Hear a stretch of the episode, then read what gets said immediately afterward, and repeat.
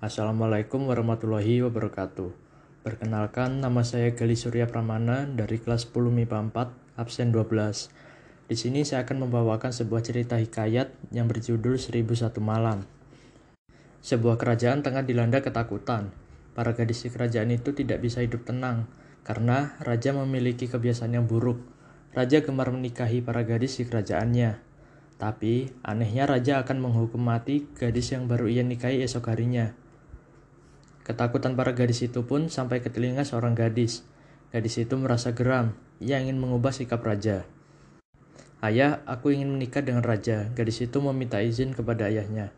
Tidak nak, aku tak mau kehilanganmu. Tolak ayah gadis itu. Tenang saja ayah, aku mempunyai cara agar raja melupakan hukuman kepadaku. Aku amat prihatin dengan para gadis di sini yang senantiasa merasa cemas. Jelas gadis itu.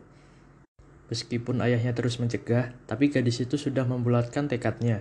Ia ingin membuat hidup seluruh penduduk tenang. Akhirnya, ayah gadis itu bersedia mengantarkan putrinya menemui raja. Gadis itu dan raja pun menikah.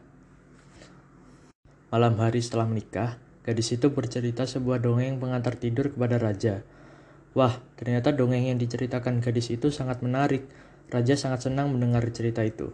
Hingga tanpa disadari, hari sudah pagi. Tuanku, hari sudah pagi. Saya akan melanjutkan cerita ini nanti malam, ucap gadis itu. Raja setuju. Ia masih ingin mendengar kelanjutan cerita dari si gadis. Tentu saja gadis itu terhindar dari hukuman mati, tidak seperti gadis-gadis lain yang pernah menjadi istri raja. Malam-malam berikutnya pun sama. Gadis itu menceritakan sebuah cerita yang semakin menarik, membuat raja ingin selalu mendengar kelanjutan cerita dari si gadis. Gadis terus bercerita sampai malam ke 1001. Banyak cerita menakjubkan yang diceritakan oleh si gadis. Gadis itu memang sangat pandai dalam bercerita. Cerita-cerita si gadis telah membuat raja melupakan hukumannya. Justru raja sadar bahwa hukuman yang selama ini dilakukannya adalah perbuatan yang salah. Setelah mendengar 1001 dongeng dari si gadis, raja berubah menjadi raja yang baik.